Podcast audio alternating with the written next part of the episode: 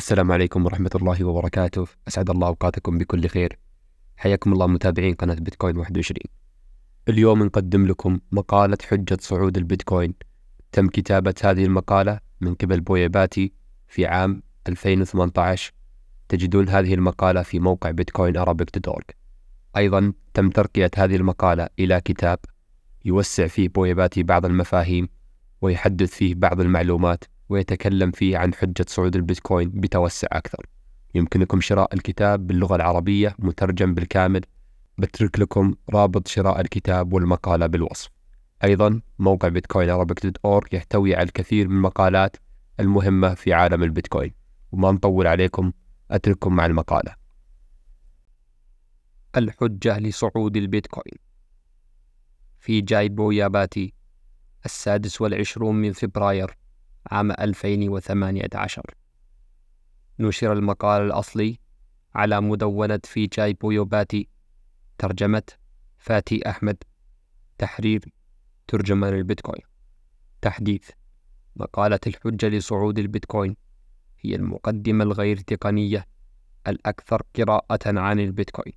صدر الآن كتاب الحجة لصعود البيتكوين.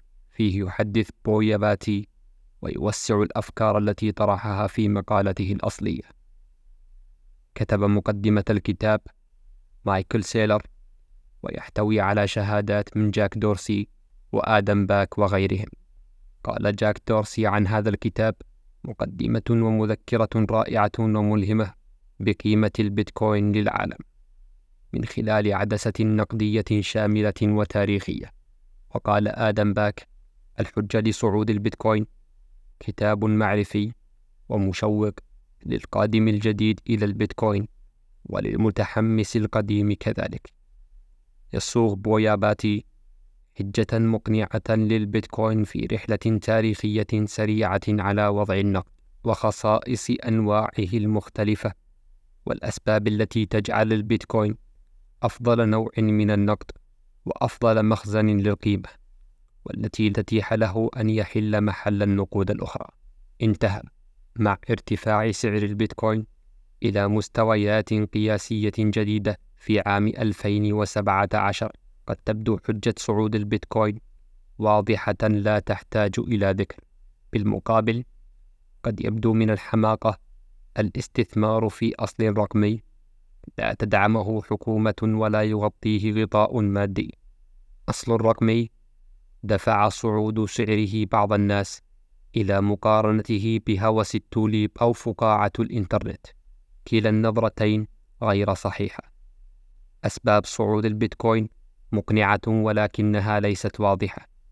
ينطوي الاستثمار في البيتكوين على مخاطر كبيرة ولكنه يحمل في طياته فرصة هائلة كما سأوضح في هذه المقالة.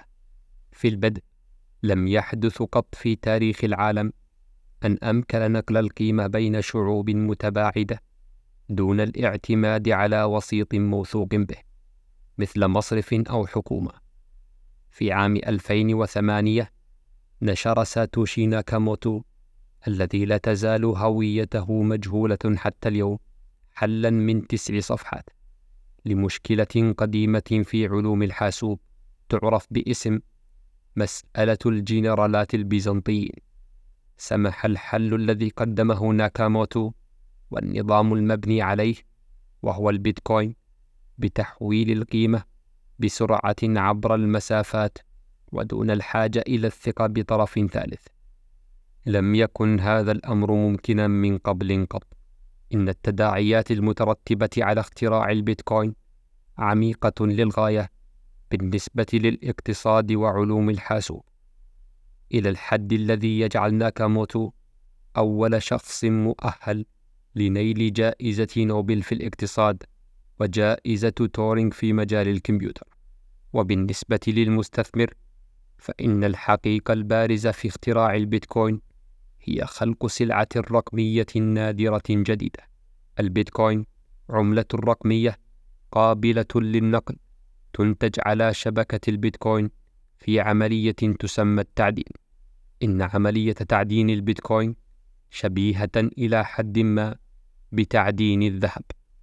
باستثناء أن معدل الإنتاج يتبع جدولا زمنيا محدد مسبقا لن ينتج أبدا سوى 21 مليون عملة من البيتكوين وفقا لجدول التصميم وقد أنتج معظمها بالفعل فقد تم تعدين حوالي 19 مليون وخمسمائة ألف بيتكوين أي ما يعادل 92% من المعروض الكلي.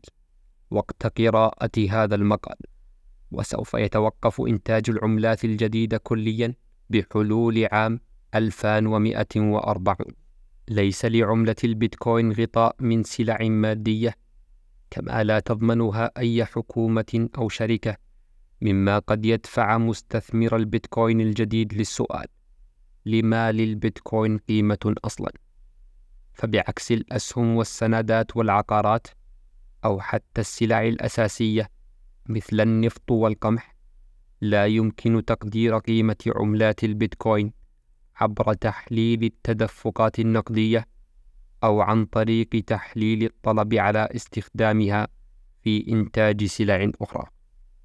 يندرج البيتكوين في فئة مختلفة تماما من السلع، تعرف بالسلع النقدية، وهي سلع تحدد قيمتها وفق قواعد نظرية الألعاب.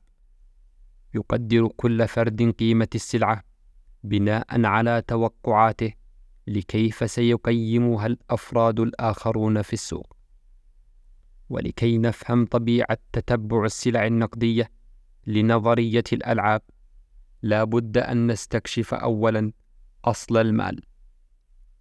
أصل الأموال. قديما كانت التجارة بين مجموعات الناس تتم من خلال نظام المقايضة واتسمت عمليات المقايضة بانعدام الكفاءة وهو ما يقيد النطاق الجغرافي وحجم التجارة الممكن. ومن العيوب الرئيسية في التجارة القائمة على المقايضة مشكلة اختلاف الرغبات فعلى سبيل المثال قد يرغب مزارع التفاح في التجارة مع صياد سمك. ولكن إذ لم يرغب الصياد في شراء التفاح فلن تكتمل الصفقة. وبمرور الوقت نشأ لدى البشر رغبة في جمع بعض السلع والاحتفاظ بها بسبب ندرتها وقيمتها الرمزية وتشمل الأمثلة على ذلك الأصداف والأسنان الحيوانية وحجر الصوان كما يشرح نيك سابو في مقالته الرائعة عن أصل المال اقتباس كانت الوظيفة التطورية الرئيسية والمطلقة لجمع الممتلكات هي اتخاذها وسيلة لتخزين الثروة ونقلها. انتهى. فكان جمع الممتلكات بمثابة نوع من المال الأولي الذي جعل التجارة ممكنة بين القبائل المتعادية، وسمح بنقل الثروة عبر الأجيال. كانت التجارة ونقل المقتنيات حدثا نادرا في مجتمعات العصر الحجري، وقد لعبت تلك السلع دور مخزن القيمة. ولم تلعب دور وسيط التبادل الذي يلعبه النقد الحديث كما يوضح سابو اقتباس مقارنة بالنقد الحديث فإن النقد البدائي يتسم بسرعة منخفضة للغاية فقد لا تنقل ملكيته إلا بضع مرات في متوسط عمر الفرد. ومع ذلك فإن المقتنيات المتينة التي تثبت أمام الزمن ونسميها اليوم إرثا قد تستمر أجيالا عديدة وتكتسب قيمة أكبر مع كل تجارة تكون فيها. بل كثيرا ما تكون هي السبب في إمكان هذه التجارة أصلا. انتهى. لقد واجه الإنسان البدائي معضلة نظرية الألعاب عند اتخاذ القرار بشأن أي سلعة ينبغي عليه جمعها. ما هي السلع التي سيرغب بها الآخرون؟ من خلال التوقع الصحيح للسلع التي قد يكون عليها طلب بغرض جمعها يكسب مالك تلك السلعة فائدة هائلة في قدرته على إبرام الصفقات واكتساب الثروة. وتتخصص بعض القبائل الأمريكية الأصلية مثل قبائل ناراغانست في صنع المقتنيات التي لا فائدة لها سوى استخدامها في التجارة. تجدر الإشارة أنه كلما كان توقع الطلب المستقبلي على سلعة مبكرا وسريعا كلما عظمت الميزة الممنوحة لمالكها حيث يمكنه جمعها بتكاليف أقل مقارنة بها حين ترتفع قيمتها التجارية ويزداد الطلب عليها مع زيادة عدد السكان الراغبين في الحصول عليها. بالإضافة إلى ذلك فامتلاك سلعة ما على أمل أن يزداد الطلب عليها كمخزن للقيمة في المستقبل من شأنه أن يعجل من اعتمادها لهذا الغرض بالذات. والواقع أن هذه الدورة الظاهرية تشكل حلقة من رد الفعل. تدفع المجتمعات إلى التلاقي بسرعة على مخزن واحد للقيمة. ويعرف ذلك ضمن نظرية الألعاب باسم توازن ناش. إن تحقيق توازن ناش في مخزن القيمة هو هبة عظيمة لأي مجتمع. إذ ييسر التجارة وتقسيم العمل تيسيرا كبيرا فيمهد الطريق لقيام الحضارة. على مر آلاف السنين ومع نمو المجتمعات البشرية وتطور الطرق التجارية بدأت مخازن القيمة التي نشأت في المجتمعات الفردية بالتنافس فيما بينها وواجه التجار خيارا بين حفظ عائدات تجارتهم في مخزن القيمة الرائج في مجتمعهم أو في مخزن قيمة المجتمع الذين يتاجرون معه أو في خليط من هذا وذاك. وتتمثل فائدة الحفاظ على المدخرات في مخزن قيمة أجنبي في تعزيز القدرة على إتمام التجارة مع ذلك المجتمع بسهولة كما أن إبقاء المدخرات في مخزن قيمة أجنبي من شأنه منح حافز للتجار لتشجيع استخدام مخزن القيمة في مجتمعاتهم لأن ذلك يزيد القوة الشرائية لمدخراتهم. إن الفوائد المترتبة على مخزن القيمة المستورد لا تعود على التجار الذين يستوردون فحسب بل وعلى المجتمعات نفسها أيضا. عندما يتفق مجتمعان على مخزن قيمة واحد فإن ذلك من شأنه أن يخفض تكلفة التجارة فيما بينهما ويزيد من الثروة الناتجة عنها. وفي الواقع قد كان القرن التاسع عشر أول مرة يجتمع فيها أغلب سكان العالم على مخزن واحد للقيمة وهو الذهب. وشهدت تلك الفترة أعظم انفجار تجاري في تاريخ العالم.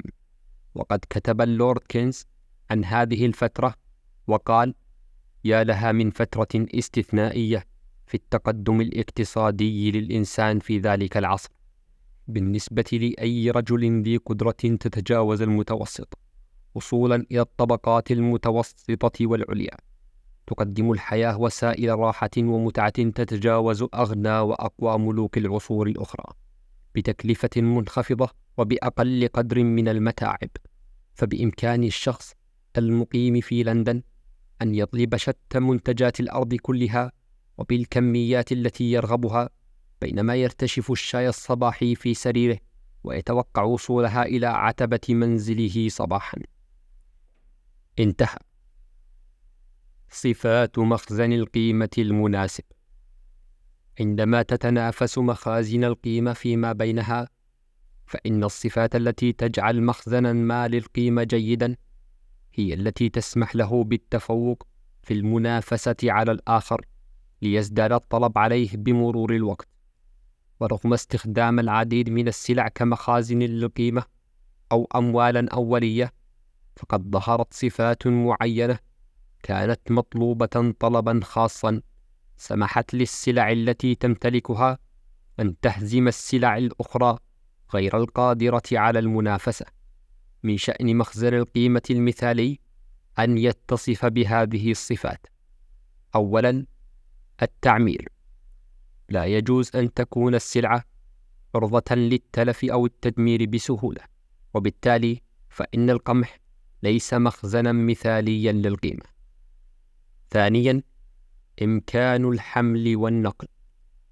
لا بد أن تكون السلعة سهلة النقل والتخزين لكي يمكن تأمينها ضد الفقدان والسرقة ويمكن استخدامها في التجارة عن بعد.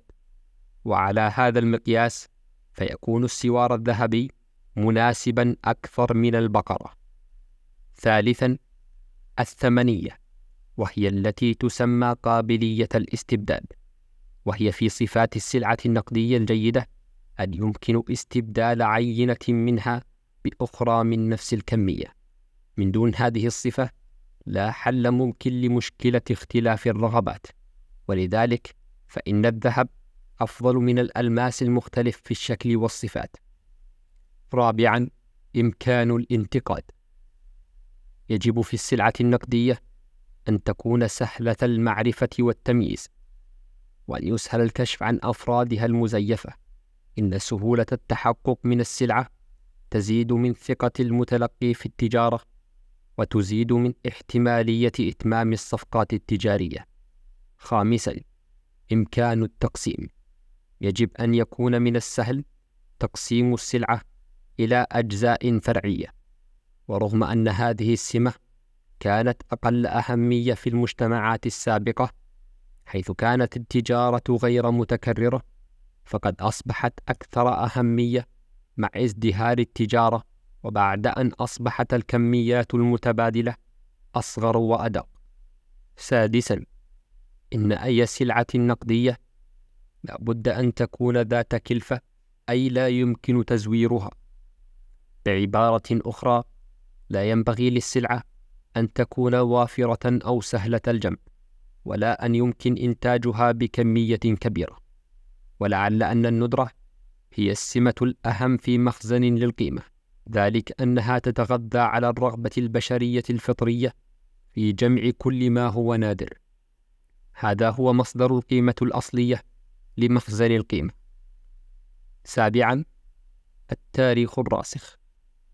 كلما طال أمد إدراك المجتمع لقيمة السلعة ازدادت جاذبيتها من حيث هي مخزن للقيمة. فمن الصعب أن يحل محل مخزن القيمة القديم العتيق مخزنا جديد إلا إذا فرض بالقوة أو كان يتمتع بميزة كبيرة من الصفات الأخرى المذكورة أعلى. ثامنا مقاومة الرقابة والحظر وهي سمة جديدة ازدادت أهمية في مجتمعنا الرقمي الحديث والذي يعاني الرقابة الشاملة وهذا يعني مدى صعوبة منع صاحب السلعة من الاحتفاظ بها واستخدامها على يد طرف خارجي مثل شركة ما أو دولة. فالسلع المقاومة للرقابة مثالية بالنسبة لمن يعيش في ظل أنظمة تحاول فرض ضوابط على رأس المال أو تجرم أشكالا مختلفة من التجارة السلمية.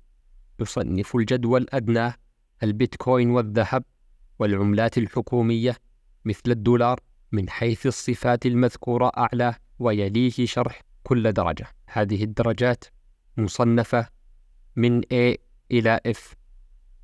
التعمير والمتانة العملات الحكومية تحصل على الدرجة C. الذهب يحصل على الدرجة A. والبيتكوين يحصل على الدرجة B إمكان الحمل والنقل. العملات الحكومية تحصل على الدرجة B والذهب يحصل على الدرجة D أما البيتكوين يحصل على الدرجة A. المطابقة. العملات الحكومية تحصل على الدرجة B الذهب يحصل على الدرجة A. البيتكوين يحصل على الدرجة B إمكانية التحقق العملات الحكومية تحصل على الدرجة B الذهب يحصل على الدرجة B البيتكوين يحصل على الدرجة A إمكانية التقسيم العملات الحكومية تحصل على الدرجة B الذهب يحصل على الدرجة C البيتكوين يحصل على الدرجة A الندرة العملات الحكومية تحصل على الدرجة F. الذهب يحصل على الدرجة A. البيتكوين يحصل على الدرجة A+. التاريخ الراسخ. العملات الحكومية تحصل على الدرجة C. الذهب يحصل على الدرجة A. البيتكوين يحصل على الدرجة D. مقاومة الرقابة والحظر. العملات الحكومية تحصل على الدرجة D الذهب يحصل على الدرجة C البيتكوين يحصل على الدرجة A. التعمير. الذهب هو ملك السلع المعمرة بلا منازع ولم تزل الغالبية العظمى من الذهب الذي تم استخراجه أو صقله في الماضي. بما في ذلك ذهب الفراعنة موجودة حتى الآن ومن المرجح أن تظل موجودة بعد ألف عام ولا تزال القطع الذهبية التي استخدمت عملة في العصور القديمة تحتفظ بقيمة كبيرة اليوم. البيتكوين والعملات الحكومية هي بالأساس سجلات رقمية يمكن أن تتخذ شكلا ماديا مثل الأوراق النقدية. وعلى هذا فليس المظهر المادي هو الذي ينبغي أخذه في الاعتبار.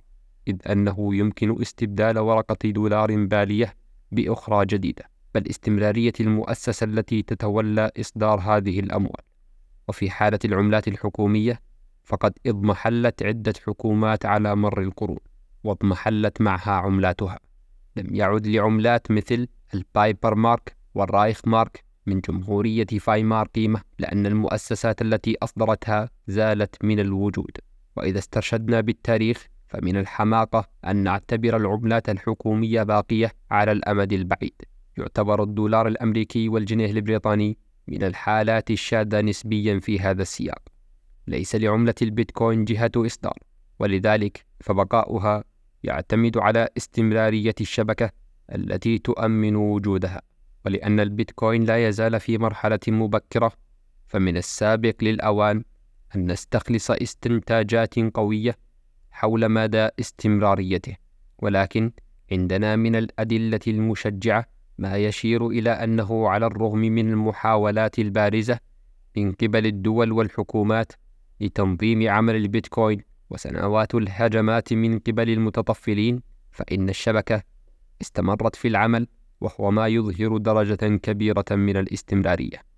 إمكانية الحمل والنقل إن البيتكوين هو أكثر مخزنا للقيمة قبولا للنقل على الإطلاق فيمكن تخزين وحمل المفاتيح الخاصة التي تمثل مئات الملايين من الدولارات في ذاكرة USB صغيرة جدا وإلى أي مكان بسهولة. ويمكن إرسال أي قيمة مالية عبر كوكب الأرض بشكل فوري تقريبا. ولأن العملات الحكومية رقمية بالأساس فهي أيضا قابلة للنقل. ومع ذلك فإن اللوائح الحكومية وضوابط رأس المال تعني أن التحويلات كبيرة القيمة. قد تستغرق أياما أو قد لا تكون ممكنة على الإطلاق.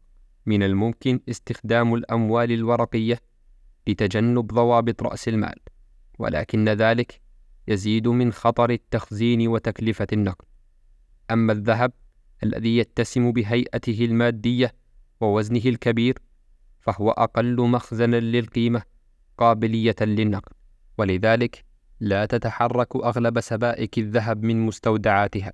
يتغير مالك الذهب أثناء عملية البيع والشراء ولكن لا تتحرك سبائك الذهب فعليا. إن نقل الذهب بشكله المادي عبر المسافات أمر مكلف وخطير ومستهلك للوقت.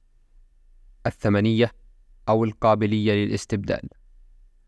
الذهب هو المعيار لقابلية الاستبدال فعند إذابته لا يمكن تمييز أونصة من الذهب عن أخرى لطالما كان هذا حال سوق الذهب.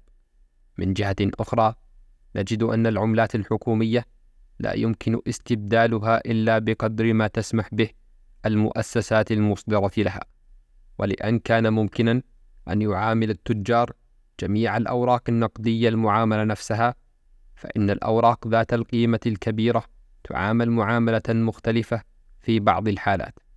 على سبيل المثال في محاولة للقضاء على التجارة غير الخاضعة للضرائب في الهند نزعت الحكومة الهندية كامل القيمة النقدية للعملات من فئة خمسة وألف روبية.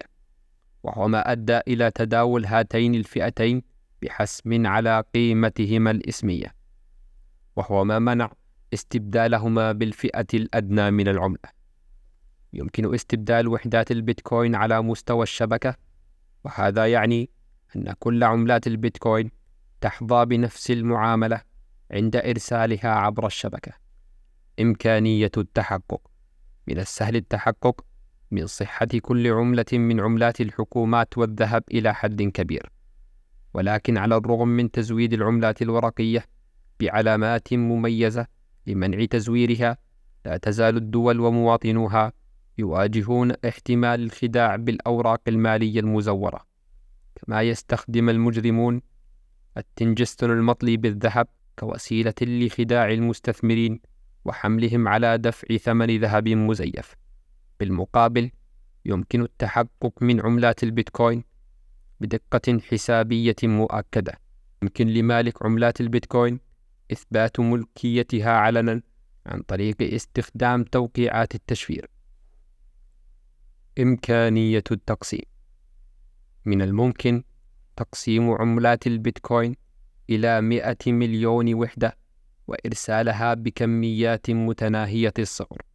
ولكن قد تجعل رسوم الشبكة من نقل تلك الكميات الضئيلة أمرا غير اقتصادي عادة ما تقسم العملات الحكومية إلى مصروفات الجيب التي لا تتمتع إلا بقدر ضئيل من القوة الشرائية وهو ما يجعلها قابلة للتقسيم من الناحية العملية أما الذهب وإن أمكن تقسيمه ماديا فإن استخدامه يصعب عندما يقسم إلى كميات صغيرة صالحة للتجارة اليومية ذات القيمة المنخفضة. الندرة يتميز البيتكوين عن العملات الورقية والذهب في ندرته المحددة منذ ابتكاره، فيسمح تصميم البيتكوين بإنتاج 21 مليون عملة فقط. هذا يعطي مالك البيتكوين نسبة مئوية معروفة من إجمالي المعروض المحتمل على سبيل المثال يعرف مالك عشر عملات البيتكوين أنه لن يزيد عدد الأشخاص الذين قد يملكون نفس العدد عن 2.1 مليون إنسان على وجه الأرض. أقل من 0.03% من سكان العالم. ومع أن الذهب يتميز بندرة معتبرة تاريخيا فإنه ليس محصنا ضد زيادة المعروض. فمن الممكن أن يزداد معروض الذهب ازديادا هائلا إذا ظهرت طريقة جديدة اقتصادية لتعدين الذهب أو الحصول عليه كالتعدين في قاع البحر أو في الكويكبات وأخيرا أثبتت العملات الحكومية على الرغم من كونها اختراعا حديثا نسبيا أنها عرضة للزيادات المستمرة في المعروض فقد أظهرت الدول القومية ميلا متواصلا لتضخيم المعروض من النقد لحل المشاكل السياسية قصيرة الأمد. إن الميول التضخمية لدى الحكومات في مختلف أنحاء العالم تترك مالك العملات الحكومية مع احتمالية تضاؤل قيمة مدخراتهم بمرور الوقت. التاريخ الراسخ ليس لأي سلعة نقدية في التاريخ ما للذهب من تاريخ طويل وراسخ إذ لم يزل مخزنا للقيمة منذ بدء الحضارة الإنسانية لا تزال العملات المعدنية التي سكت في غابر الزمن تحتفظ بقيمة كبيرة حتى اليوم. يختلف الأمر عند الحديث عن العملات الحكومية التي تعتبر شذوذا حديثا نسبيا في التاريخ. فمنذ بدايتها كان للعملات الورقية ميلا شبه عام إلى تقليل قيمتها شيئا فشيئا حتى تنعدم. كان استخدام التضخم كوسيلة ماكرة لفرض ضرائب خفية إغراء لم تتمكن سوى بضع حكومات من مقاومته عبر التاريخ ولأن كان القرن العشرون الذي هيمنت فيه العملات الحكومية على النظام النقدي الحكومي قد أظهر أي حقيقة اقتصادية فهي أن هذه العملات غير مأمونة أن تحافظ على قيمتها على المدى البعيد أو حتى المتوسط. لقد نجح البيتكوين على الرغم من عمره القصير في اجتياز عدد كاف من التجارب في السوق، تكاد تنعدم بعدها احتمالية زواله كأصل قيم مستقبلا. وعلاوة على ذلك فإن تأثير ليندي يشير إلى أنه كلما استمر البيتكوين في البقاء لمدة أطول زادت ثقة المجتمع في أنه سوف يستمر في البقاء لمدة طويلة في المستقبل وبعبارة أخرى إن الثقة المجتمعية في سلعة نقدية جديدة تسلك سلوك التقارب في النهايات كما يظهر في الشكل. فإذا استمر البيتكوين بالوجود لمدة عشرين عاما فستكون هناك ثقة شبه عامة في أن البيتكوين سوف يظل متاحا إلى الأبد. مثلما يعتقد الناس أن الإنترنت هو سمة دائمة من سمات العالم الحديث. مقاومة الحظر. كان من أكبر أسباب الطلب المبكر على البيتكوين استخدامه في الاتجار غير المشروع بالمخدرات. أدى هذا إلى افتراض العديد من الناس خطأ أن الطلب الأول على البيتكوين يرجع إلى قدرته على إخفاء هوية المستخدم ولكن البيتكوين لا يخفي هوية مستخدمه. فكل معاملة ترسل على شبكة البيتكوين تسجل وإلى الأبد في سلسلة الكتل. ويسمح السجل التاريخي للمعاملات فيما بعد بإجراء تحليل جنائي لتحديد مصدر الأموال. وكان مثل هذا التحليل هو ما أدى إلى إلقاء القبض على مرتكب جريمة سطو إم تي جوكس الشهيرة وعلى أن الحذر والدؤوب بما يكفي قادرا على إخفاء هويته عند استخدام البيتكوين فإن هذا ليس هو السبب الذي جعل البيتكوين شائعا في تجارة المخدرات. إن السمة الرئيسية التي جعلت البيتكوين قيما في تلك الأنشطة المحظورة هي أن استخدام الشبكة لا يحتاج إلى طلب إذن أو ترخيص. عندما يرسل البيتكوين عبر الشبكة لا يقرر أي تدخل بشري ما إذا كان يسمح بتلك المعاملة أم لا. ولأن شبكة البيتكوين لا مركزية وتقوم على مبدأ النظير إلى النظير فهي مصممة بطبيعتها على أن تكون مقاومة للرقابة. يناقض هذا الأمر النظام المصرفي القائم على العملات الحكومية مناقضة صارخة حيث تعمل الدول على تقنين عمل البنوك وغيرها من القائمين على نقل الأموال للإبلاغ عن الاستخدامات المحظورة للسلع النقدية ومنعها. تعد ضوابط رأس المال مثالا كلاسيكيا لنقل الأموال الخاضع للتقنين. على سبيل المثال قد يجد المليونير الثري صعوبة بالغة في تحويل ثروته إلى مكان جديد إذا كان يرغب في الفرار من نظام قمعي. ورغم أن الدول ليست هي التي تصدر الذهب فإن طبيعته المادية تصعب من نقله عبر المسافات. وهو ما يجعله أكثر عرضة للقوانين الحكومية مقارنة بالبيتكوين. ومن أمثلة هذه القوانين قانون التحكم في الذهب في الهند. يتفوق البيتكوين في أغلب الصفات المذكورة أعلاه وهو ما سمح له بالتفوق في المنافسة بين السلع النقدية الحديثة والقديمة ووفر حافزا قويا لتبنيه على نحو متزايد وبصفة خاصة قد كان المزيج القوي بين مقاومة الحظر والندرة المطلقة الحافز القوي الذي دفع المستثمرين الأثرياء إلى تخصيص جزءا من ثرواتهم لفئة الأصول حديثة النشأة. تطور المال أصبح دور المال كوسيط للتبادل هوس الاقتصاديين في العصر الحديث. في القرن العشرين احتكرت الدول إصدار المال وقوضت فكرة استخدامه مخزنا للقيمة تقويضا مستمرا فكونت اعتقادا خاطئا عن المال أنه وسيط للتبادل فقط يرى كثيرون أن البيتكوين غير مناسب للعب دور المال نظرا لتقلب سعره المستمر ولكن هذا المعتقد غير صحيح مطلقا. يتطور المال على مراحل ويأتي دوره كمخزن للقيمة قبل دوره كوسيط للتبادل. فيوضح ستانلي جي فونز واحد من مؤسسي المدرسة الهامشية في الاقتصاد بقوله تاريخيا كان الذهب أول سلعة ثمينة لأغراض الزينة. ثانيا ثروة مخزنة ثالثا وسيطا للتبادل وأخيرا مقياسا للقيمة. انتهى. بالمسميات الحديثة نجد أن المال دائما ما يتطور عبر أربعة مراحل. أولا مقتنيات للجمع. في المرحلة الأولى من تطوره يكون الطلب على المال مستندا على خواصه المميزة ويكون المال عادة كالزينة عند مالكه فقد كان الذهب والخرز والأصداف جميعها مقتنيات قبل أن تصبح بعد ذلك عملات نقدية.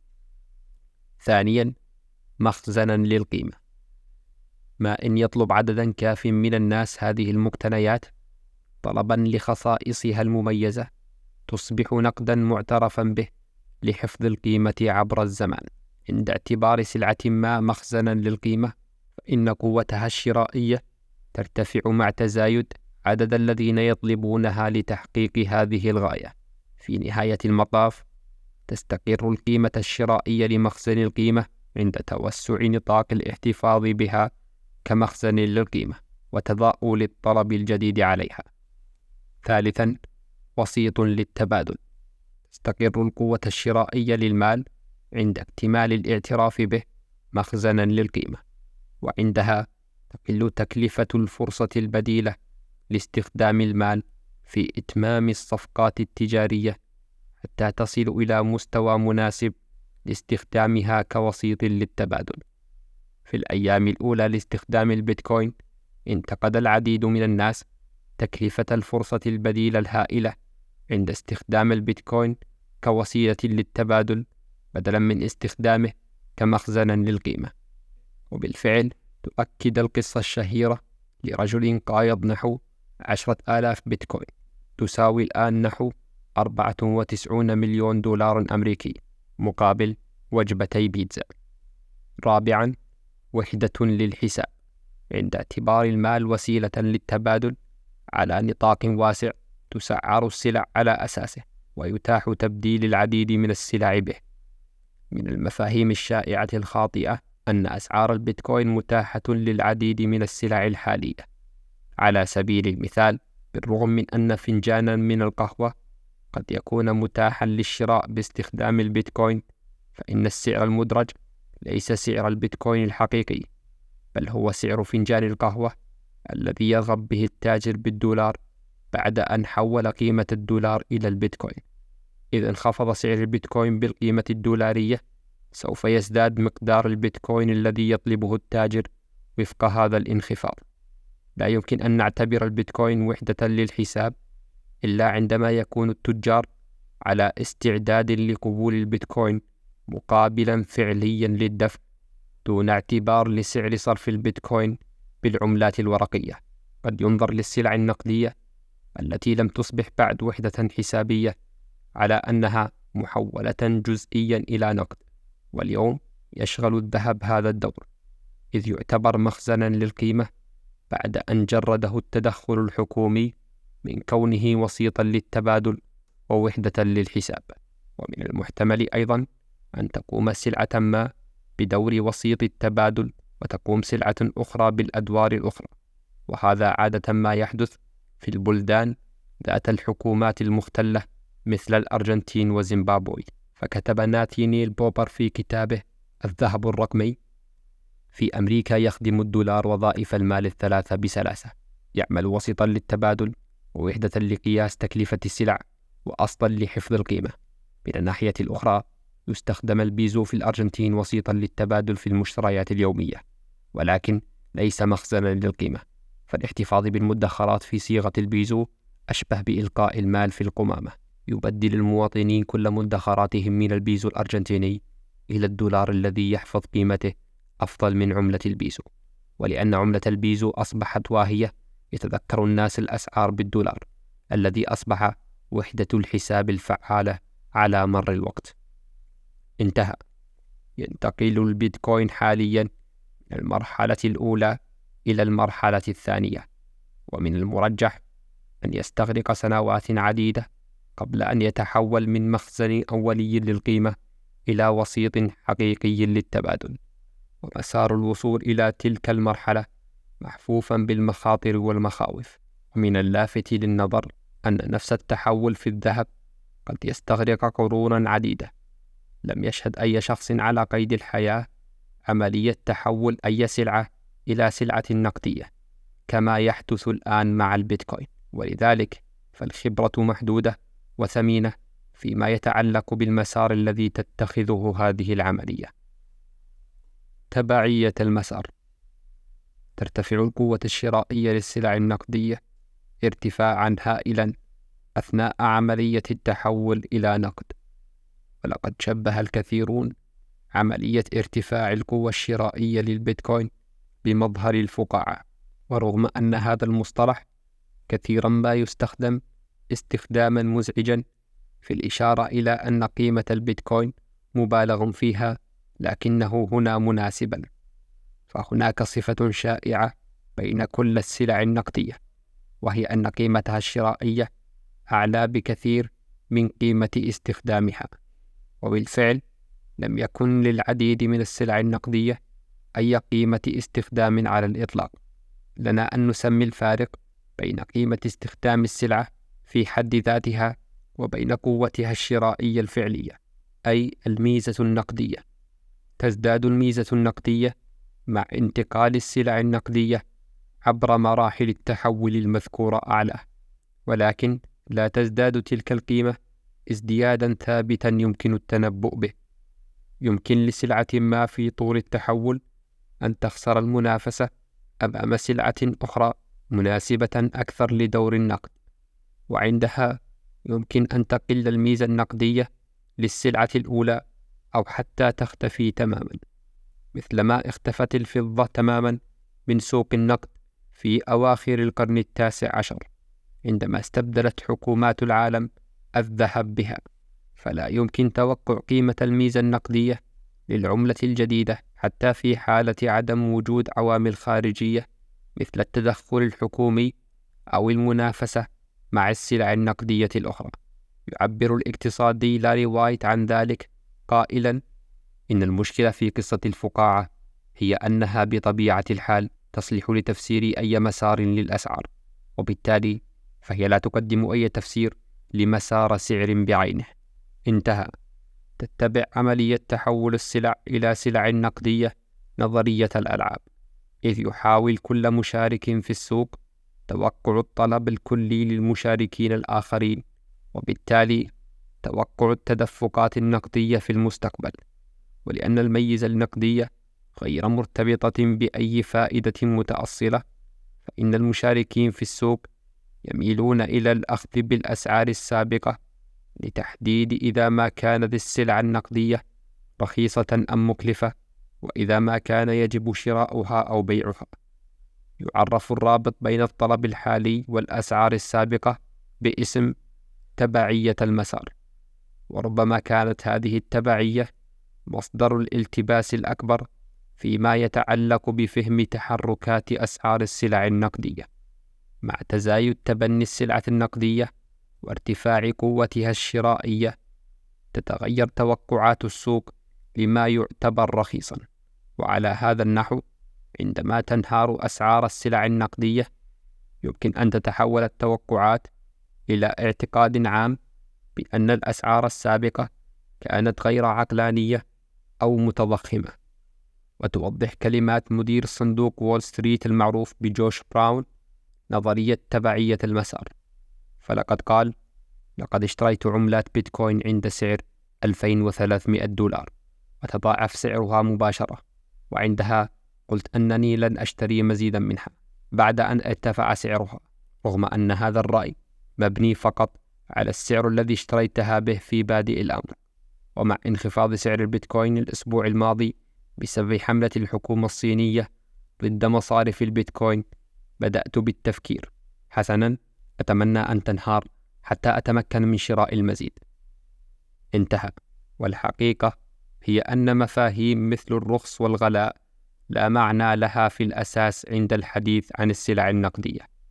إن ثمن أي سلعة نقدية لا يعكس مدى فائدتها أو قدر إيراداتها بل هو مقياس لمدى اتساع اعتمادها لأداء مختلف أدوار المال ويزيد من تعقيد طبيعة المال التابعة للمسار أن المشاركين في السوق لا يتصرفون بحيادية عند الشراء أو البيع طبقا لمقدار الميزة النقدية المتوقع مستقبلا فحسب بل يعملون أيضا دعاة نشطين وبما أنه لا يمكن تحديد قيمة الميزة النقدية تحديدا موضوعيا فإن التبشير بتفوق ميزات السلع النقدية الجديدة يصبح أمرا فعالا مقارنة بالترويج للسلع العادية التي ترتكز قيمتها في نهاية المطاف على التدفق النقدي أو الاستخدام.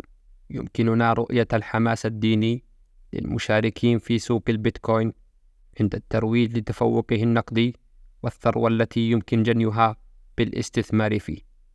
يعلق لي دروجين على سوق البيتكوين قائلا الأمر أشبه باعتناق دين جديد. قصة نؤمن بها ونخبر بها بعضنا البعض. منحنى اعتناق الأديان هو ما ينبغي علينا أن نفكر فيه. يكاد أن يكون التطابق مثاليا. فبمجرد دخول شخص فيه يذهب لإخبار الجميع ويشرع في الدعوة إليه ثم يدخل فيه أصدقاؤه ويدعون إليه بدورهم. انتهى. وفي حين أنه يمكن أن تعطي مقارنة البيتكوين بالدين شعورا بكونه إيمانا لا عقلانيا فمن المنطقي تماما أن يدعو مالك البيتكوين المجتمع برمته لتبنيها. يشكل المال أساس كل المدخرات والتجارة. ولذلك فإن تبني صورة متفوقة من المال يعود بفوائد هائلة ومضاعفة في خلق الثروة لكل أفراد المجتمع. التحول إلى سلعة نقدية مع عدم وجود قواعد مسبقة بشأن المسار الذي قد تسلكه أي سلعة نقدية عند تحولها إلى نقد.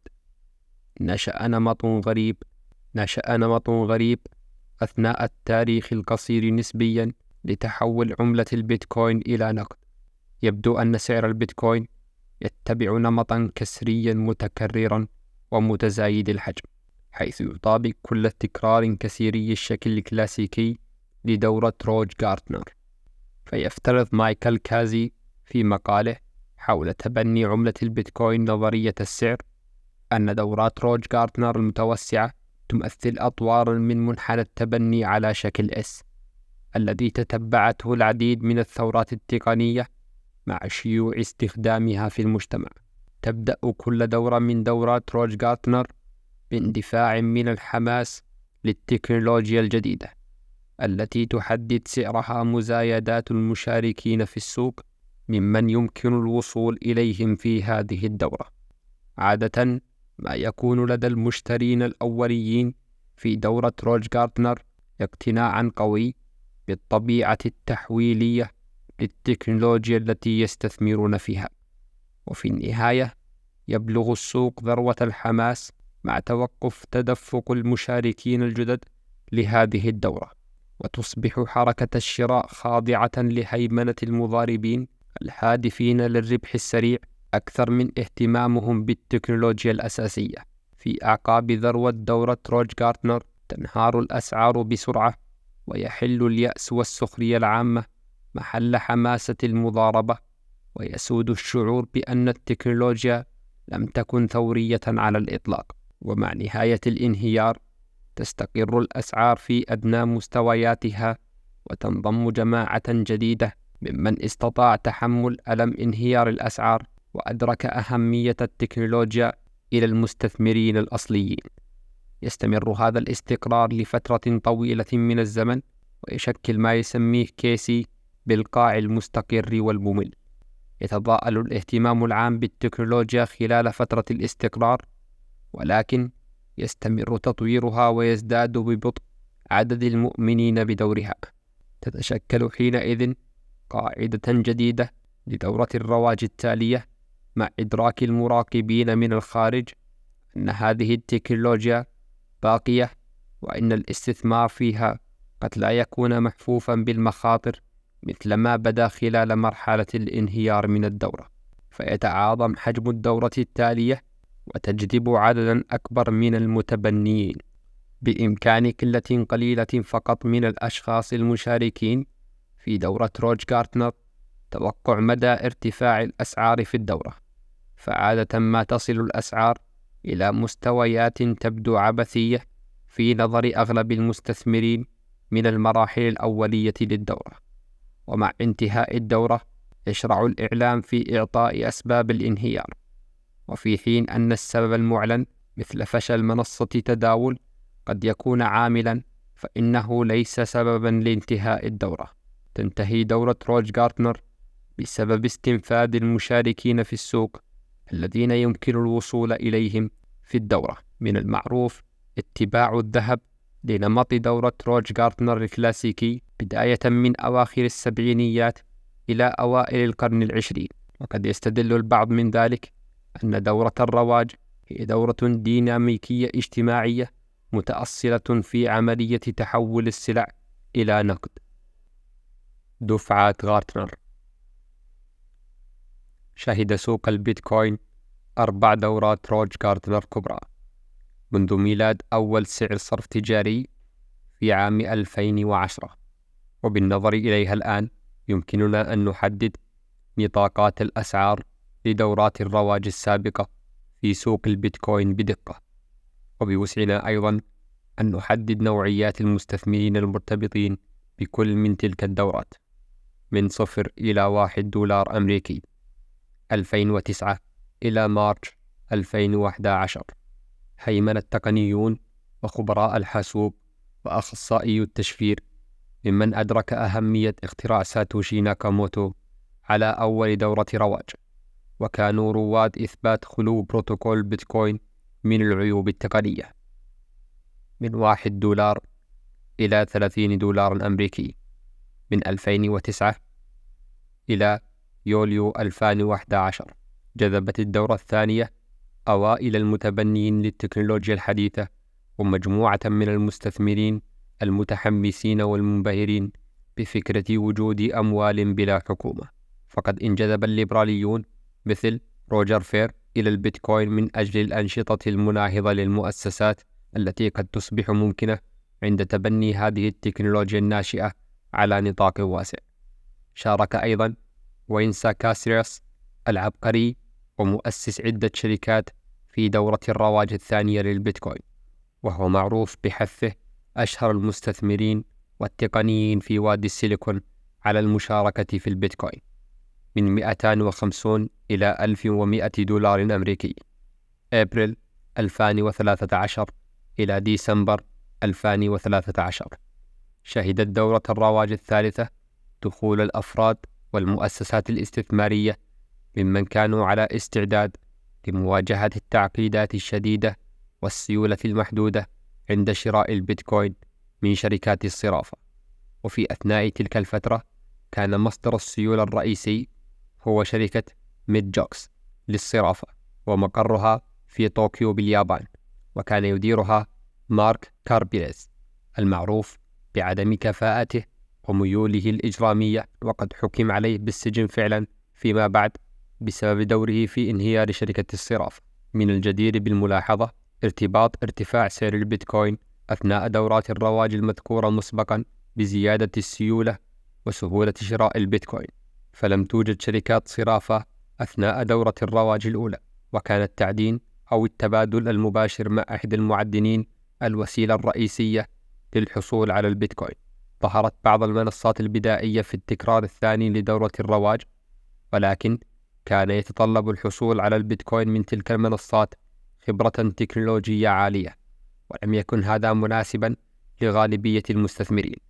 وحتى أثناء الدورة الرواج الثالثة كانت ما تزال هناك عقبات أمام إرسال الأموال من البنوك إلى شركة Mt. Gox من أجل شراء البيتكوين.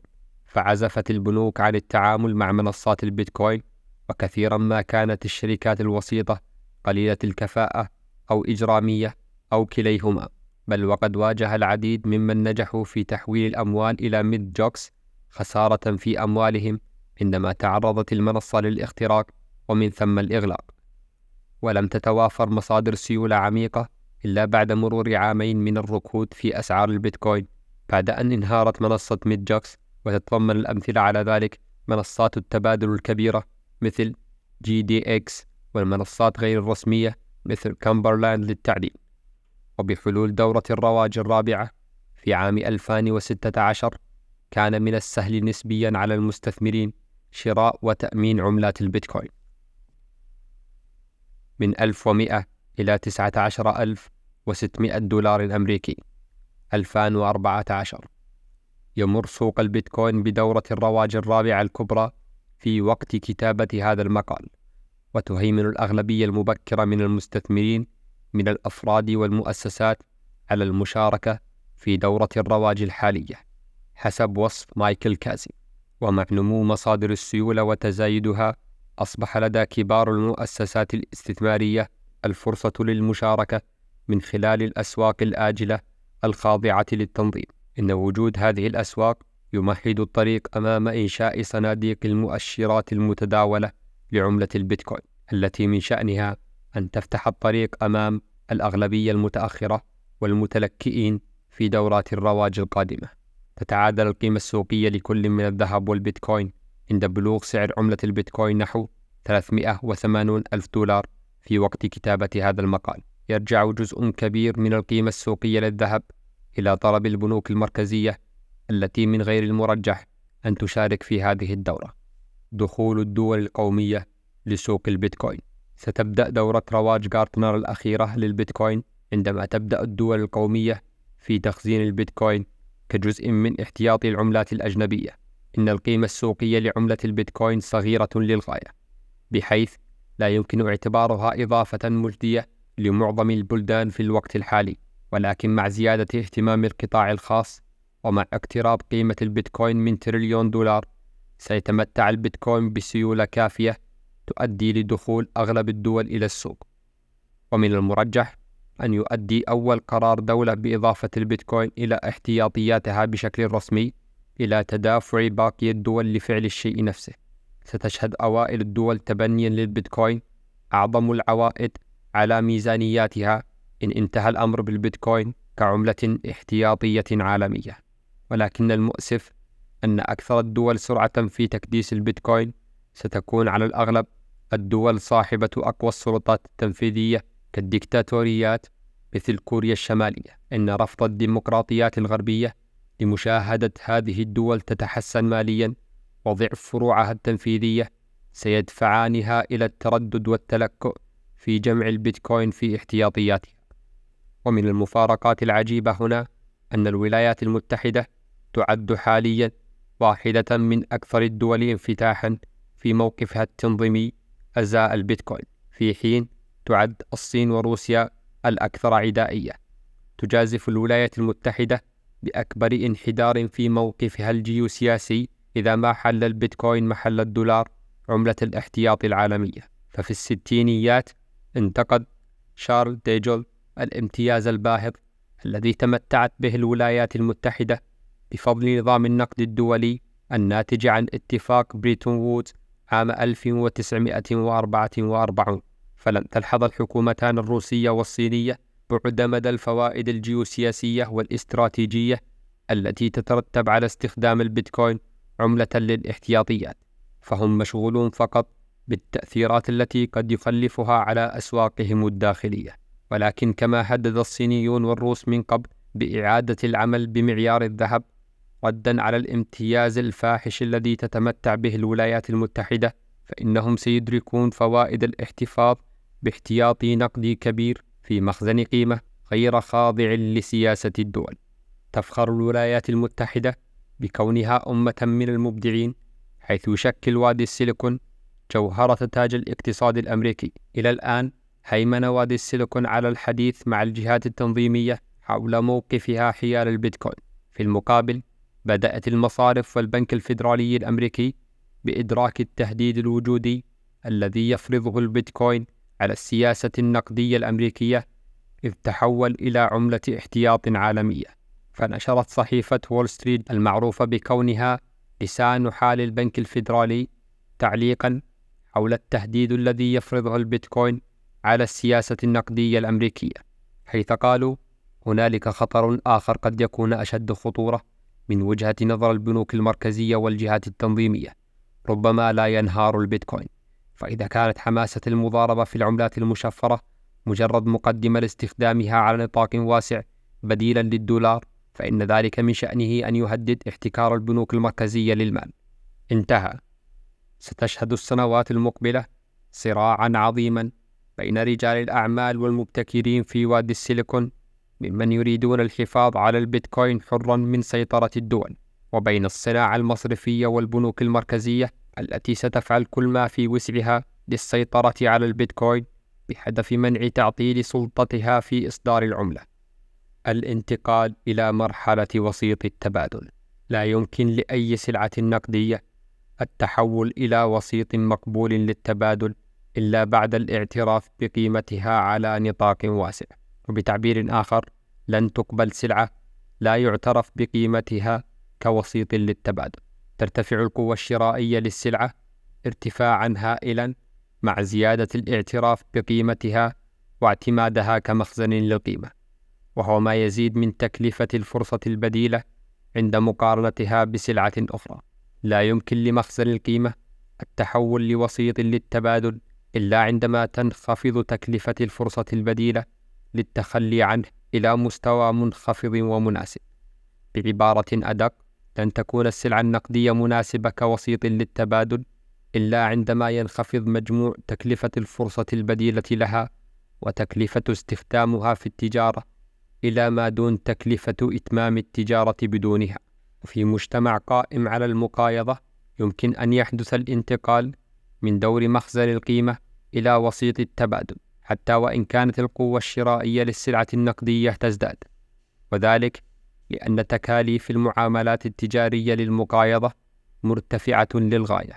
أما في اقتصاد متقدم ذا تكلفة معاملات منخفضة من الممكن استخدام مخزن قيمة حديث النشأة وسريع الانتشار مثل البيتكوين كوسيط للتبادل وإن كان في نطاق محدود للغاية. ومن بين الأمثلة على ذلك سوق المخدرات غير المشروعة حيث يبدي المشترون استعدادا للتضحية بفرصة الاحتفاظ بالبيتكوين بهدف الحد من المخاطرة الكبيرة لشراء المخدرات باستخدام عملة حكومية.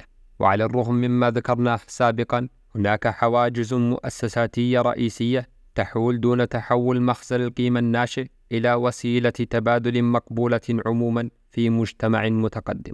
تستخدم الدول الضرائب وسيلة قوية من حماية أموالها السيادية من خطر الإزاحة بسبب منافسة السلع النقدية الأخرى فبالإضافة إلى تمتع الأموال السيادية بطلب مستمر عليها بغرض دفع الضرائب تفرض الضرائب على السلع المنافسة في حال زيادة سعرها. يشكل هذا النوع من الضرائب مقاومة كبيرة ضد استخدام مخزن القيمة وسيطا للتبادل. لن تجدي محاولات إعاقة استخدام السلع النقدية كوسيط للتبادل في السوق ولكن قد تنهار قيمة العملة الحكومية إذا ضاع إيمان الناس بها في عملية تعرف باسم التضخم المفرط. عندما تتضخم العملة الحكومية وتنهار تحل محلها السلع مرتفعة السيولة في المجتمع مثل الذهب أو العملات الأجنبية مثل الدولار الأمريكي. وإذا لم تتوفر أي سلعة قابلة للسيولة أو كان المعروض منها محدودا تحل السلع الحقيقية ذات القيمة الأعلى محل العملة الحكومية مثل العقارات والسلع.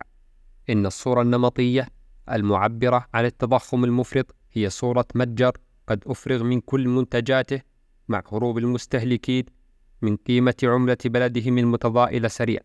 وفي نهاية المطاف تصبح العملة الحكومية غير مقبولة عندما يفقد المواطنون ثقتهم بها أثناء فرط التضخم ويتحول المجتمع إلى نظام المقايضة أو تحل عملة أخرى محل العملة الأصلية وسيطا للتبادل. ومن أمثلة ذلك حلول الدولار الأمريكي محل دولار زيمبابوي. تصعب هذه العملية ندرة العملة الأجنبية وغياب المؤسسات المصرفية الموفرة للسيولة.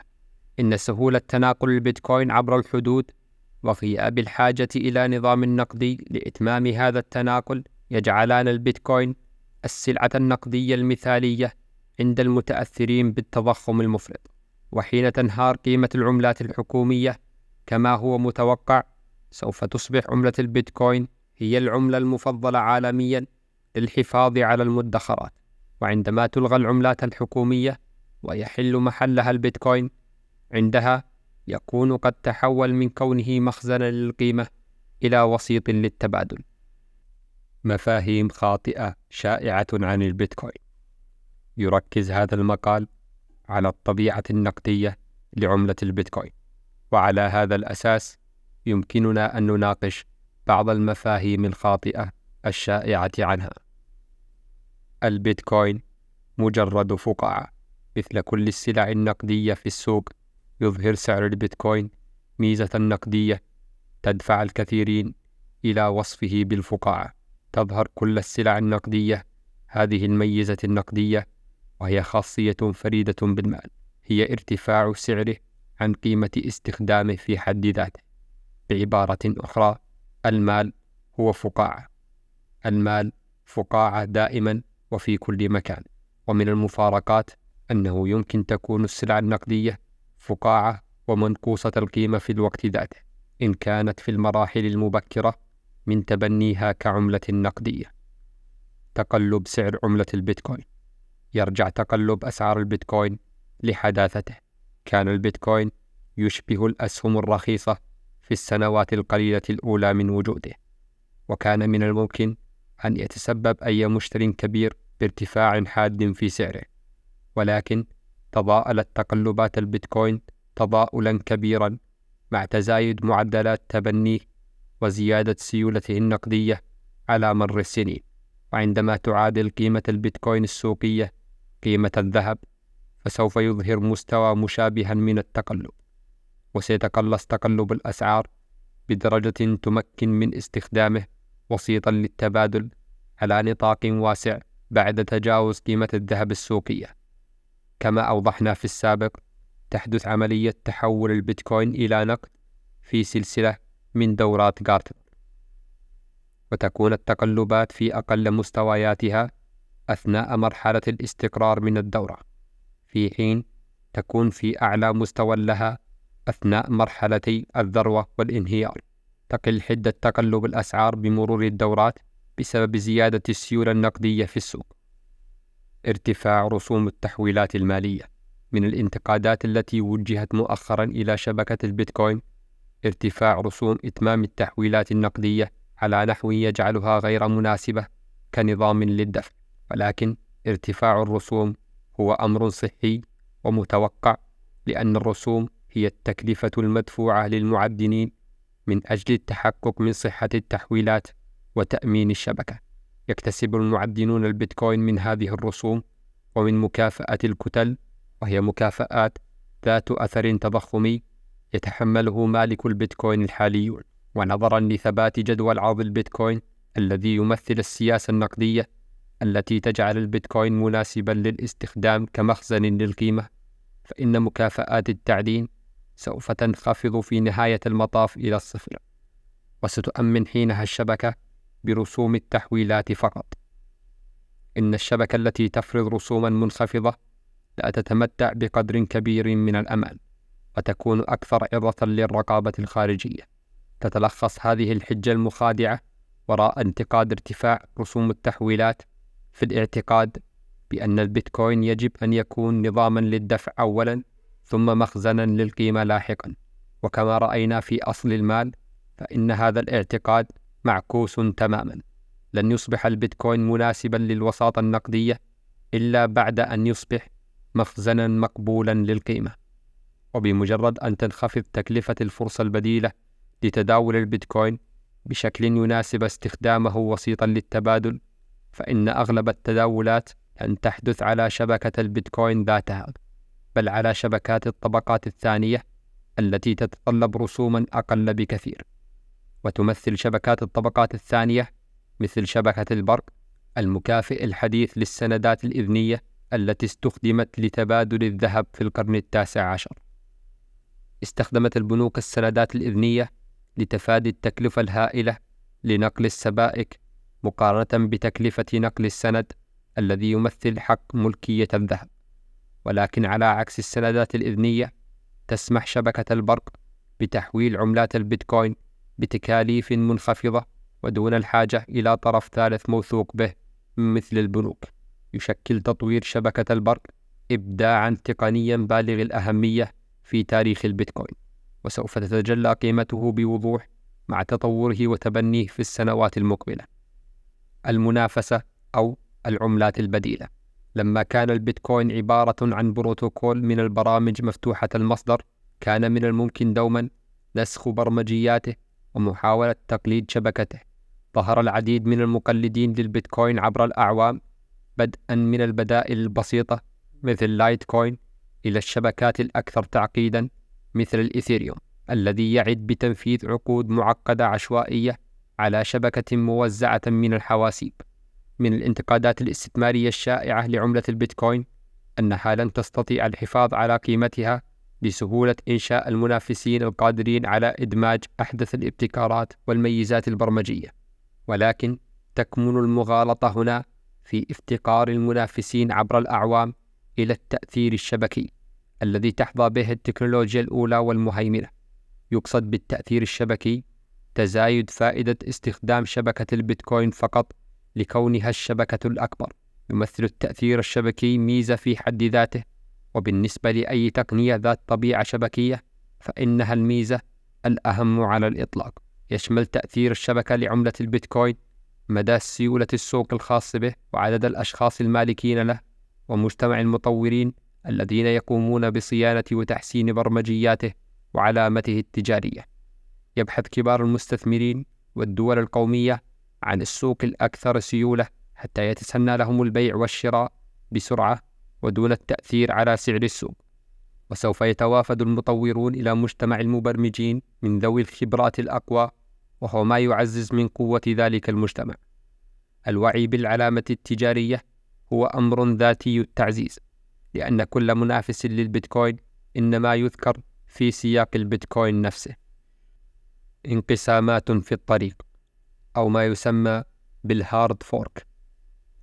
من الاتجاهات التي قد كانت شائعة في عام 2017 بالإضافة إلى تقليد برمجياته كان أيضا نسخ تاريخ معاملاته السابقة بالكامل المعروف باسم البلوك تشين أو سلسلة الكتل تمكن المنافسون من توزيع عملتهم الجديدة إلى قاعدة مستخدمين أكبر من خلال نسخ تاريخ معاملة شبكة البيتكوين إلى شبكة مستقلة جديدة.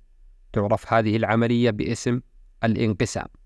وقد حدث أهم عملية انقسام من هذا النوع في الأول من أغسطس عام 2017 عندما أطلقت شبكة جديدة تعرف باسم بيتكوين كاش. بعد هذا الانقسام حصل ملاك البيتكوين على ما يساوي ممتلكاتهم من البيتكوين على هيئة عملات بيتكوين كاش. ولقد فشلت كل محاولات المجتمع المناصر لعملة البيتكوين كاش في انتزاع العلامة التجارية من البيتكوين سواء عن طريق تسمية شبكتهم الجديدة أو من خلال إطلاقهم حملة لإقناع المبتدئين في السوق أن عملات كاش هي عملات البيتكوين الحقيقية وينعكس هذا الفشل في القيمة السوقية لكل من العملتين. ولكن بالنسبة للمستثمرين الجدد يظل هناك خطر ظاهري في احتمال استنساخ منافس ما لعملة البيتكوين وسلسلة البلوكتشين الخاص بها. والنجاح في تجاوزها في القيمة السوقية وبالتالي التحول إلى عملة البيتكوين بحكم الأمر الواقع وبوسعنا استنباط قاعدة مهمة من الانقسامات التي شهدتها شبكة البيتكوين والإثيريوم وهي أنه سوف تستقر أغلبية رؤوس أموال السوق في الشبكة التي تمتلك أمهر المطورين وأنشطهم وعلى الرغم من أن البعض قد ينظر إلى البيتكوين على أنه مال وليد فحسب إلا أنه أيضا شبكة حاسوبية مبنية على برمجيات بحاجة إلى الصيانة والتحسين. إن شراء عملات شبكة تفتقر إلى المطورين ذوي الخبرة والمهارة. أشبه بشراء نسخة من برنامج الويندوز لا يدعمها أفضل مطوري شركة مايكروسوفت.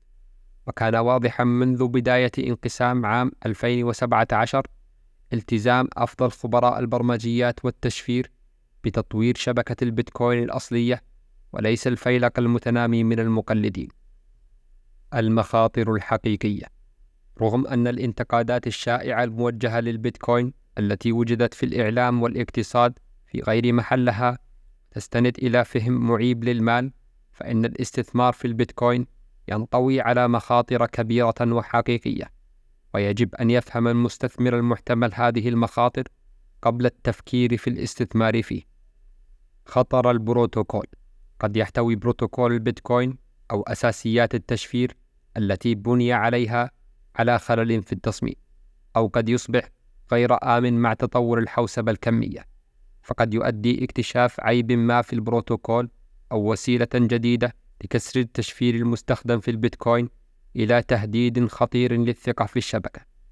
كانت مخاطر البروتوكول في ذروتها في الأعوام الأولى من عمل الشبكة، عندما كان من غير الواضح حتى بالنسبة للمختصين في التشفير أن ساتوشي ناكاموتو قد توصل فعليا إلى حل لمسألة الجنرالات البيزنطيين وبالرغم من أن المخاوف من عيوب بروتوكول بيتكوين قد تبددت على مر السنين ولكن نظرا لطبيعته التكنولوجية فإن مخاطر البروتوكول دائما ما ستظل موجودة. إغلاق أسواق البيتكوين ومصارفه. بفضل تصميمه اللامركزي أظهر البيتكوين درجة ملحوظة من المرونة في مواجهة محاولات حكومات عدة لتنظيمه أو إغلاقه، ولكن ومع ذلك فإن المنصات التي يتم فيها تداول البيتكوين مقابل العملات الورقية تتسم بدرجة عالية من المركزية وتبقى عرضة للتنظيم والإغلاق. وفي غياب هذه المنصات أو استعداد النظام المصرفي للعمل معها، فإن عملية تحول البيتكوين إلى نقد قد تتعطل. ورغم وجود مصادر سيولة نقدية بديلة للبيتكوين مثل السماسرة والأسواق اللامركزية لشراء وبيع البيتكوين مثل لوكال بيتكوين فإن عملية استكشاف الأسعار تحدث في أسواق البورصة الأكثر سيولة التي تتسم جميعها بالمركزية تخفف المراجحة القضائية من خطر توقف المنصات. فبعد أن انتقل مقر منصة باينس من الصين إلى اليابان بعد اتخاذ الحكومة الصينية إجراءات صارمة بشأن العملات المشفرة أصبحت الحكومات الوطنية يقظة إزاء إغلاق صناعة ناشئة قد تكون مؤثرة بقدر تأثير شبكة الإنترنت. وبالتالي التخلي عن ميزة تنافسية هائلة لصالح الدول الأخرى. لن تتوقف عملية تحول البيتكوين إلى نقد إلا عبر إغلاق عالمي منسق لجميع منصات البيتكوين. وقد اقتربت عملة البيتكوين من أن تصبح متبناة على نطاق واسع إلى الحد الذي يجعل الإغلاق الكامل غير ممكنا على المستوى السياسي وأشبه بإغلاق شبكة الإنترنت. وعلى الرغم من ذلك فإن احتمالات الإغلاق ما زالت موجودة ولا بد من وضعها في الحسبان عند الاستثمار في عملة البيتكوين. وكما ناقشنا في القسم السابق تدخل الدول القومية فإن الحكومات الوطنية بدأت تدرك خطر وجود عملة رقمية مقاومة للرقابة والحظر على سياستها النقدية. ويبقى السؤال إذا ما كانت ستعمل على مواجهة هذا التهديد قبل أن يصبح البيتكوين راسخا إلى الحد الذي يجعل أي إجراء سياسي ضده غير فعال الثمنية أو القابلية للاستبدال. إن الطبيعة الشفافة والواضحة لسجل تحويلات البيتكوين تجعل من الممكن للدول أن تضع علامة على بعض عملات البيتكوين تجعلها ملوثة عند استخدامها في أنشطة محظورة. ورغم أن مقاومة البيتكوين للحظر على مستوى البروتوكول تسمح بنقل هذه العملات فإذا بدت القيود التنظيمية وكأنها تحظر استخدام هذه العملات الملوثة من قبل أسواق البورصة أو التجار فإنها قد تصبح بلا قيمة. ومن ثم يخسر البيتكوين واحدة من الخصائص المهمة للسلع النقدية وهي القابلية للاستبدال.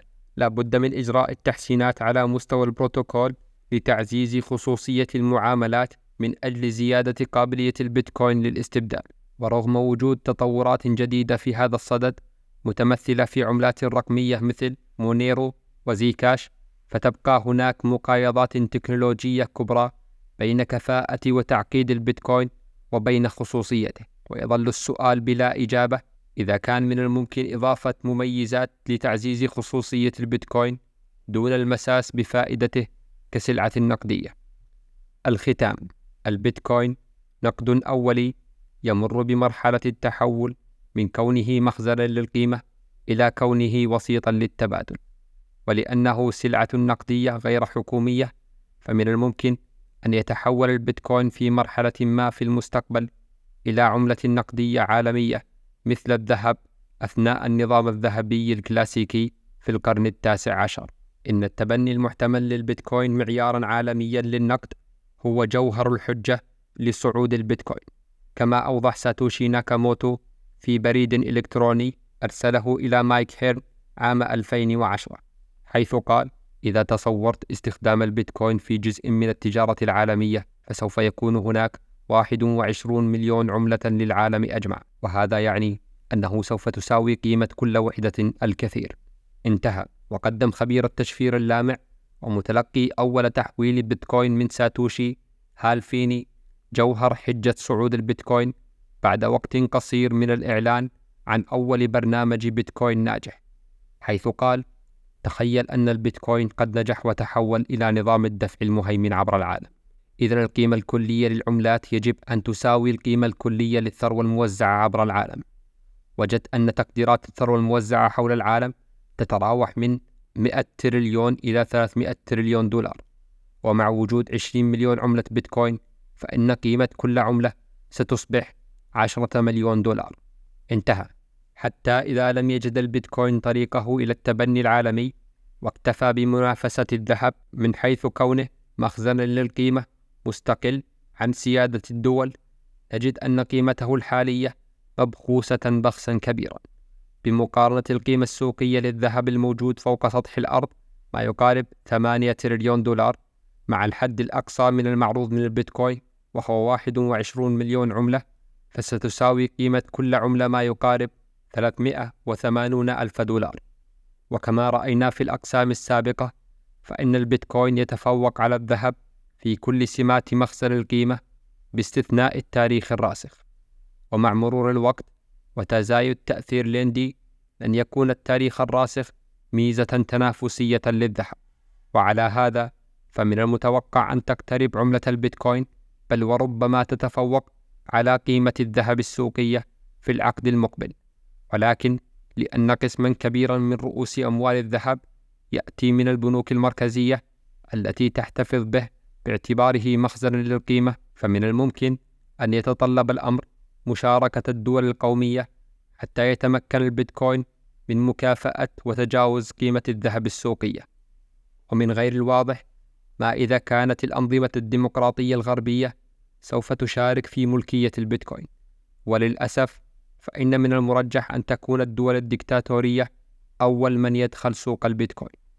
تبقى حجة صعود البيتكوين قائمة حتى في غياب مشاركة الدول القومية باعتباره مخزنا للقيمة لا يتبع سيادة الدول ويقتصر استخدامه على المستثمرين من الأفراد والمؤسسات. فإن البيتكوين لا يزال في مرحلة مبكرة من منحنى التبني ويدخل الأغلبية المبكرة السوق الآن بينما لا تزال الغالبية المتأخرة على بعد سنوات من الدخول. وفي ظل مشاركة أوسع نطاقا من المستثمرين فإن مستوى الأسعار سوف يتراوح بين مئة ألف إلى مئتين ألف دولار. يشكل امتلاك البيتكوين واحدا من الرهانات القليلة غير المتناظرة التي يستطيع المشاركة بها الجميع من مختلف أنحاء العالم ويشبه الأمر خيار الشراء الجانب السلبي للاستثمار محدود بحجم الاستثمار بينما يحمل اتجاه صعود البيتكوين احتمالية مضاعفة قيمة الاستثمار مئة ضعف. البيتكوين هو أول فقاعة عالمية حقيقية لا يحد حجمها ونطاقها إلا رغبة مواطني العالم في حماية مدخراتهم من تقلبات الإدارات الاقتصادية الحكومية. لقد نهض البيتكوين كطائر العنقاء من تحت رماد الكارثة المالية العالمية في عام 2008 التي كانت نتيجة لسياسات البنوك المركزية مثل بنك الاحتياطي الفيدرالي. وبعيدا عن الحجة النقدية للبيتكوين سيؤدي صعود مخزنا للقيمة خارج نطاق سيادة الدول إلى عواقب عميقة من الناحية الجيوسياسية. فوجود عملة احتياط عالمية وغير تضخمية من شأنه إرغام الحكومات على تغيير آلية تمويلها الرئيسية من التضخم إلى فرض الضرائب المباشرة وهو أمر غير مستساغ على المستوى السياسي. سيتقلص حجم الحكومات بما يتناسب مع الآلام السياسية المترتبة على الانتقال إلى فرض الضرائب وسيلة وحيدة للتمويل. هذا وإن التجارة العالمية سوف تتم على النحو الذي يرضي تطلعات شارل ديغول بعدم منح أي دولة ميزة فوق الآخرين حيث قال نرى أنه من الضروري أن تعود التجارة الدولية كما كانت قبل المحن الكبرى في العالم إلى نظام نقدي لا يقبل الجدل ولا يحمل أي علامة أي بلد بعينه فبعد خمسون عاما من الآن سيصبح البيتكوين هو ذلك النظام النقدي.